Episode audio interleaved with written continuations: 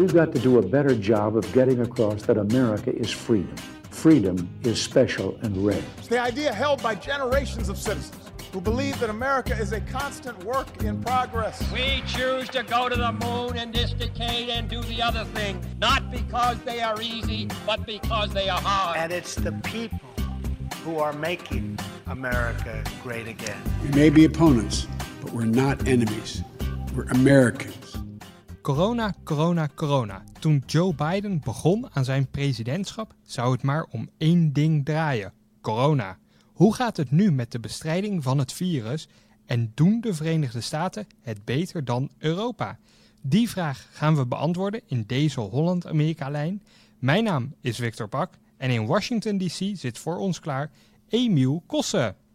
Goedemorgen Victor. Goeiedag Emiel. Jij hebt ontzettend veel gereisd de, de afgelopen twee weken. Uh, dat weet ik toevallig, want ik heb allemaal schitterende foto's van heel de Verenigde Staten weer gezien. Maar reizen in coronatijd, kan dat überhaupt en, en hoe ziet dat eruit? Oh ja, dat, dat kan in Amerika zeker. Er zijn heel veel uh, reisbeperkingen als je naar het buitenland wil. Maar binnen Amerika valt dat wel mee. Je moet eigenlijk per staat, van staat naar staat uh, kunnen. Dat, dat is een, een, recht dat Amerikanen hebben, ook tijdens corona. Um, ik was op pad voor een boek waar ik aan werk, waar ik per trein door de Verenigde Staten ga om verhalen te vertellen over plekken um, die anders worden overgeslagen.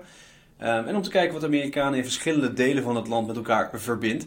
Nou ja, uh, deze dagen is het coronavirus natuurlijk een van de dingen die, die mensen verbindt, want dat speelt overal. Maar ja, ik zag wel dat de aanpak van dat virus per staat een beetje verschilde.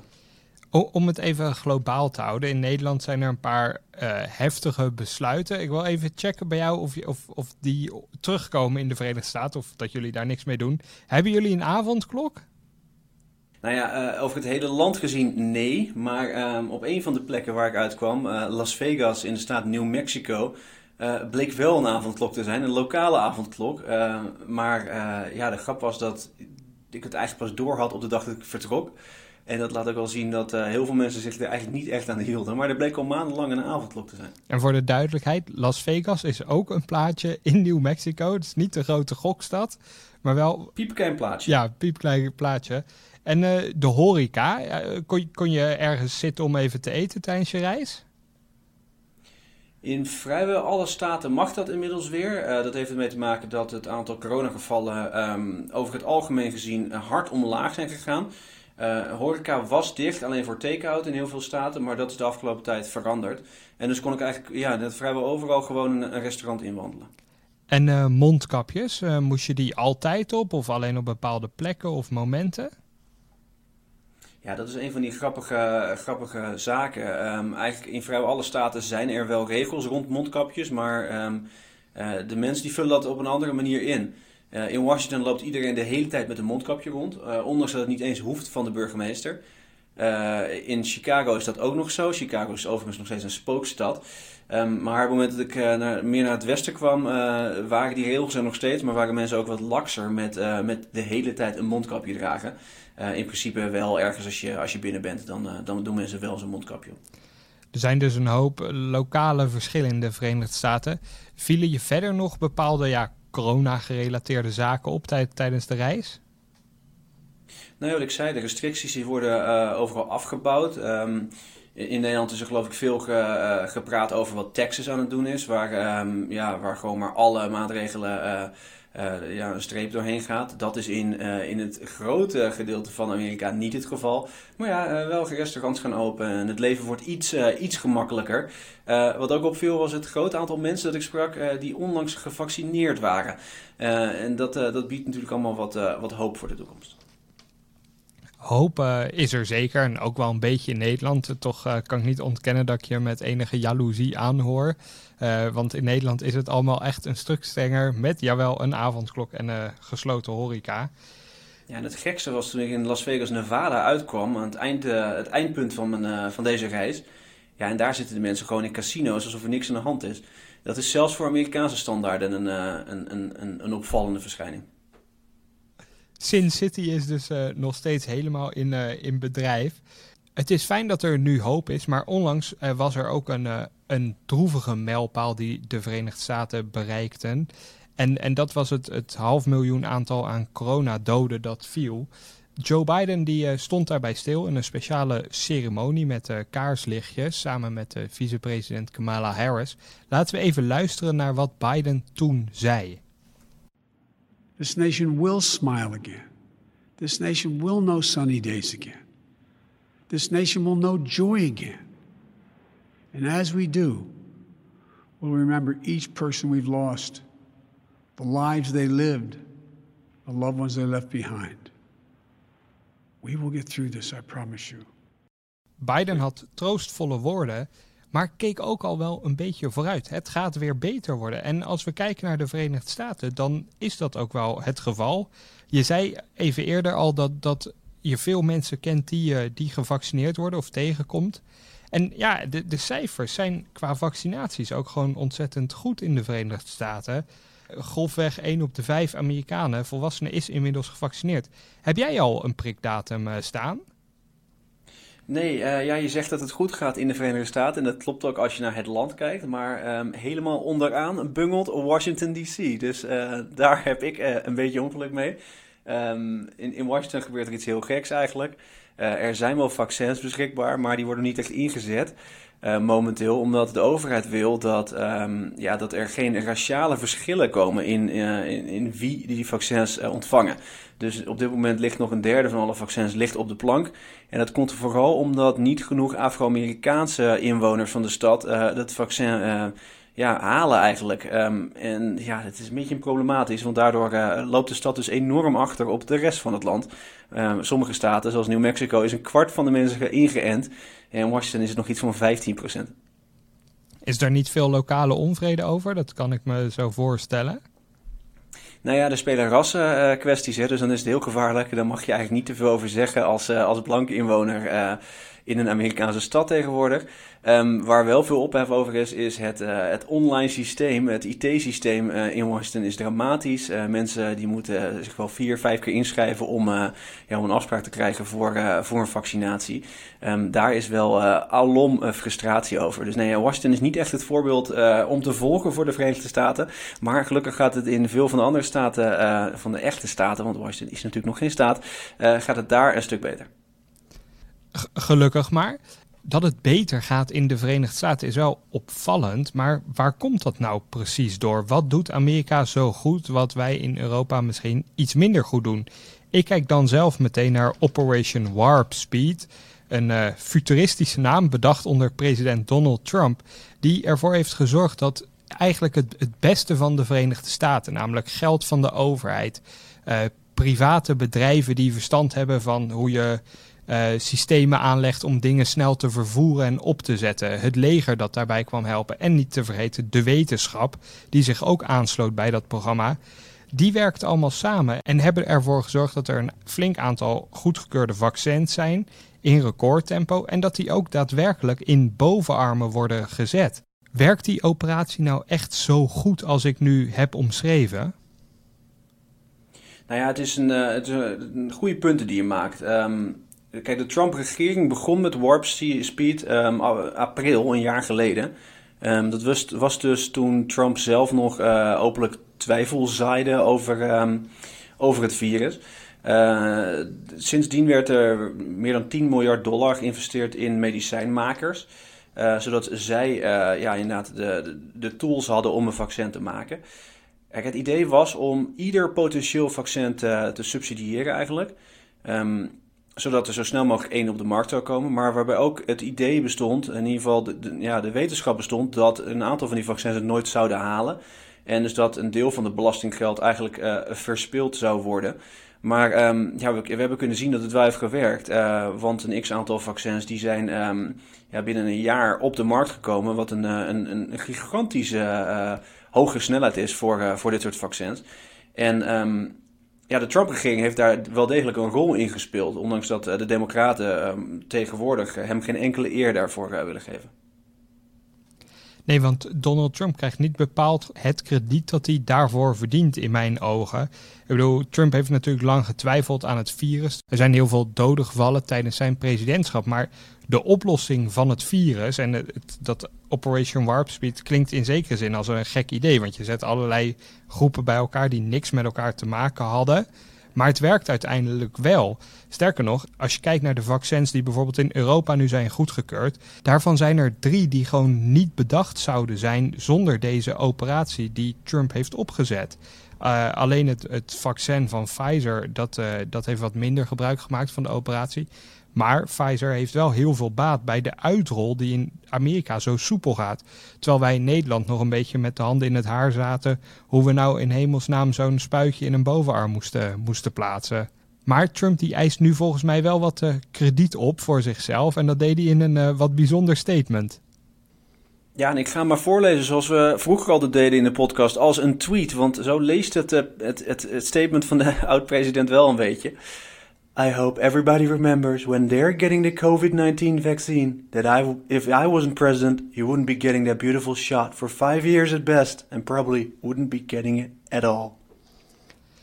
Dat Trump nu uh, zo'n uh, statement naar buiten brengt, want hij mag natuurlijk niet meer op Twitter, is misschien ook wel logisch. Want toen Biden net in het uh, Oval Office stapte, toen was een van de eerste dingen waar hij en alle democraten over klaagden was het feit dat er helemaal geen plan zou zijn over de vaccinaties. Biden had namelijk gezegd dat hij wel hoge doelen wilde stellen. Maar ja, uh, hij kwam in een puinhoop terecht, zo gezegd. Maar wat blijkt nu? Vrijwel al zijn doelen gaat hij halen, toch? Ja, en um, het, het, het, doel dat hij zichzelf eerst had gesteld: 100 miljoen uh, vaccinaties binnen 100 dagen. Um, van Bidens presidentschap. Dat werd eigenlijk al gehaald als je gewoon de lijn zou doortrekken van uh, de eerste weken vaccineren onder Trump. Um, dat laat zien dat Trump die legde de infrastructuur, zijn regering legde de infrastructuur voor uh, deze vaccinatieboom, uh, om het zo maar te zeggen. Um, ja, daar wil de Biden-regering zijn voorganger geen uh, credits voor geven. Dat is natuurlijk politiek. Mensen uit de Trump-regering die zeggen dan heel hard uh, in de media: um, Hallo, wij hebben dit allemaal voor elkaar gekregen. Het is natuurlijk een beetje een, een, een, een, een dubbelwerking. Beide regeringen hebben hiermee te maken. Um, want de Biden-regering heeft de afgelopen maanden ook goede dingen gedaan. Um, het zette bijvoorbeeld druk op Johnson Johnson om hun vaccin sneller te verpakken, zodat ze de deadlines die ze ooit hadden gesteld kunnen halen. En ook zorgt het ervoor dat een concurrent, merk, um, samen ging werken met Johnson Johnson. Die twee die kunnen elkaar eigenlijk niet uitstaan, maar die werken dan toch samen uh, omwille van uh, de gezondheid van Amerikanen. Um, en het, uiteindelijke uh, gevolg daarvan is dat eigenlijk aan het eind van de maand mei er genoeg vaccins zullen zijn voor alle 257 miljoen volwassen Amerikanen. Um, nou ja, dat is dus een, een, eigenlijk een soort samenwerking tussen Biden en Trump. Maar um, geen van de twee die wil dat toegeven. En ik word toch eerlijk gezegd echt stik jaloers als ik dit zo hoor. Want ik zit hier met uh, minister Hugo de Jonge van Volksgezondheid. Die mij heeft beloofd dat ik, nou ja, als het alles, alles, alles meezit, ergens in, in juli dat, heel, dat alle volwassenen in Nederland ook gevaccineerd kunnen zijn. Dan lopen we gewoon potverdikkie twee maanden achter op de Verenigde Staten. Heb ik, heb ik nog wel een getal voor je. Uh, momenteel worden er 2,5 miljoen mensen per dag gevaccineerd in de Verenigde Staten. Uh, ja, dat zou betekenen dat je Nederland binnen een weekje, een weekje klaar hebt. Ja, dat, het is ongelooflijk en echt ontzettend jaloersmakend. Die, die, is dat die samenwerking tussen Trump en Biden, waar ze zelf het, dan liever niet over hebben, die, die was ook veel slimmer met het afsluiten van die vaccins. Want de reden dat Biden dus die belofte kon doen dat jullie allemaal daar in Amerika in mei al gevaccineerd kunnen zijn, heeft ook te maken met dat Amerika gewoon alle vaccins die in Amerika worden geproduceerd ook daadwerkelijk beschikbaar heeft voor Amerikanen. Die worden niet geëxporteerd. Zo'n Europese fabrieken van farmaceuten worden heel veel vaccins gemaakt, maar die verdwijnen soms gewoon ja, naar het buitenland. Want de EU heeft niet zo goed onderhandeld als Trump en Biden gedaan hebben. Dat is echt een ontzettend grote frustratie, vind ik. Want ja, Amerika deed eerst helemaal niet zo goed met die corona-aanpak, maar is nu Europa echt uh, voorbijgesneld. En daar hebben jullie ook wel profijt van, want wat je zei, de, restricties zijn veel minder streng in Amerika dan hier in Nederland en in de rest van Europa. Heb jij al een idee wanneer Amerika weer helemaal open zal zijn, zoals we dat dan noemen? Nou ja, dat is lastig als we luisteren naar ehm, iemand als uh, Dr. Anthony Fauci, um, toch een beetje het gezicht van de corona-aanpak in Amerika. Dan kan dat allemaal nog wel een hele lange tijd duren eigenlijk, voordat het hele leven weer, um, weer teruggaat naar normaal. het is natuurlijk wel zo dat restricties zoals naar een restaurant gaan en, en naar de kapper en dat soort dingen, dat die vrij snel kunnen verdwijnen. Maar ja, reizen naar het buitenland met het gevaar dat er weer een nieuwe variant ergens opduikt, ja, dat is een heel ander verhaal. En dus zegt Fauci, uh, nou gaat er nog maar vanuit dat je misschien nog wel een jaar in ieder geval met iets van restricties te maken heeft. Maar goed, dat hebben we natuurlijk allemaal. Dat, uh, wat dat betreft Europa en Amerika zal dat niet zo uh, veel verschillen. Um, wat je nog net zei, um, dat Amerika inderdaad een, een, slimme investering heeft gedaan van tevoren eigenlijk in al die vaccins, zodat al die vaccins binnen Amerika blijven.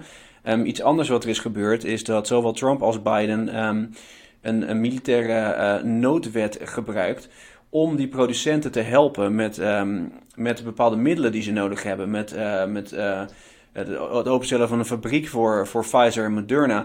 Waardoor die twee vaccinmakers in grotere aantallen vaccins kunnen leveren dan eerst voorspeld. En dat komt dus omdat de overheid um, ja, zijn macht gebruikt om, om dat allemaal te bespoedigen.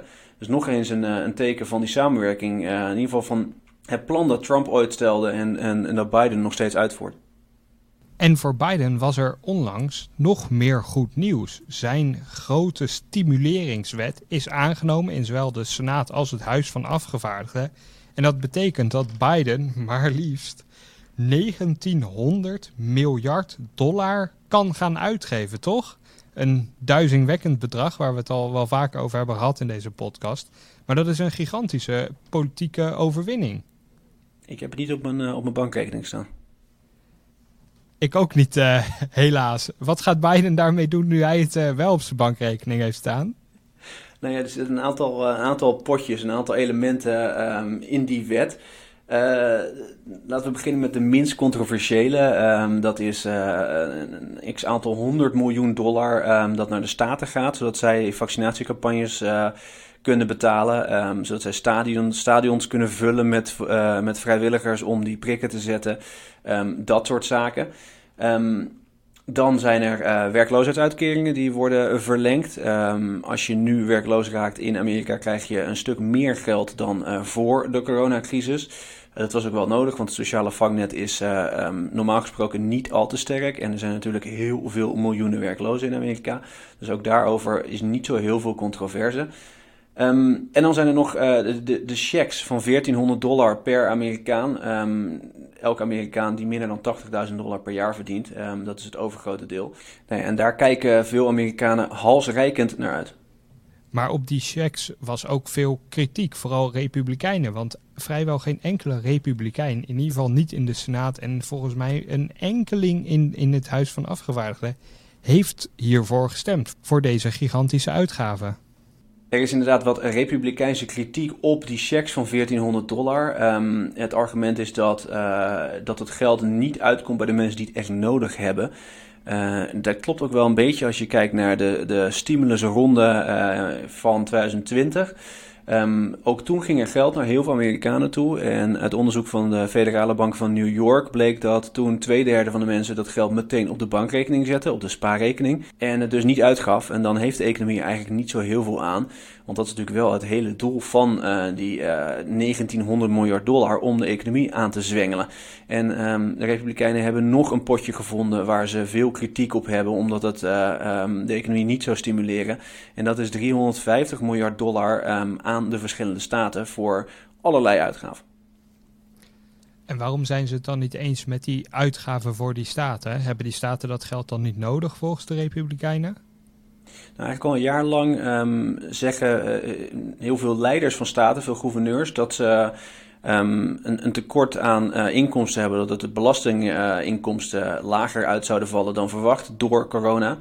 Um, maar het punt is, nu een jaar later blijkt dat heel veel staten er helemaal geen last van hebben. Virginia is daarbij het gekste voorbeeld. Die zeiden eerst nog dat ze een miljard tekort zouden krijgen. Um, en uh, nu een paar weken geleden bleek dat ze eigenlijk een, een, een, overschot hebben van meer dan 700 miljoen dollar.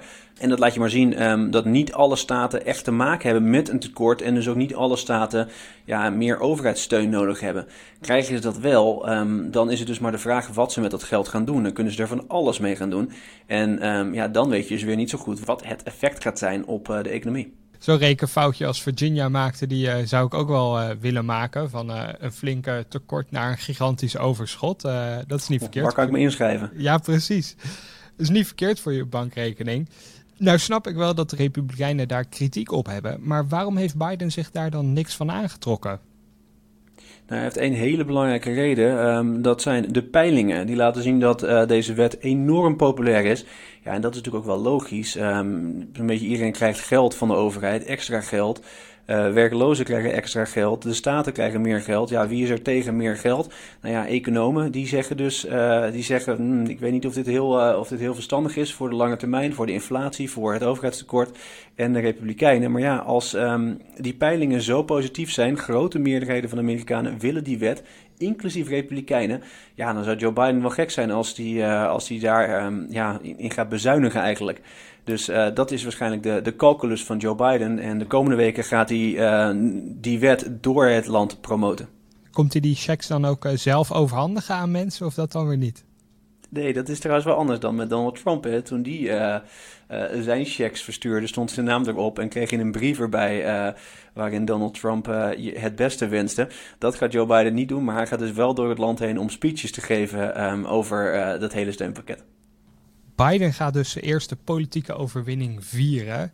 Wij gaan door met de rubriek van Amerikanist Koen Petersen. De presidenten van Petersen staan weer voor u klaar. Hi, Barack Hussein Obama. Hi, George Herbert Walker Bush. William Jefferson Clinton, do solemnly swear. De presidenten van Petersen. So help me God. In deze aflevering over Amerikaanse presidenten een korte aflevering over een president die ook maar kort in het Witte Huis zat. En dat was William Henry Harrison. Hij was Amerikaans negende president en hij werd gekozen in 1840. Harrison was geen bijzondere man toen hij werd uh, gekozen. Hij was generaal geweest en had dat netjes gedaan. Maar wat tijdens zijn verkiezing vooral opviel was zijn leeftijd. Hij was dik 68, bijna 69 en daarmee zou hij als negende president ook de oudste president worden die tot op dat ogenblik is gekozen. En het zetten van records en het creëren van historic firsts zou kenmerkend worden voor zijn presidentschap. Harrison wilde laten zien dat hij weliswaar oud was, maar vooral ook nog stevig en kranig. En toen de inauguratie plaats had op 4 maart 1841 was Washington bedekt onder een sneeuw- en ijslaag. Het was verschrikkelijk koud, zoals het gebruikelijk was in die tijd.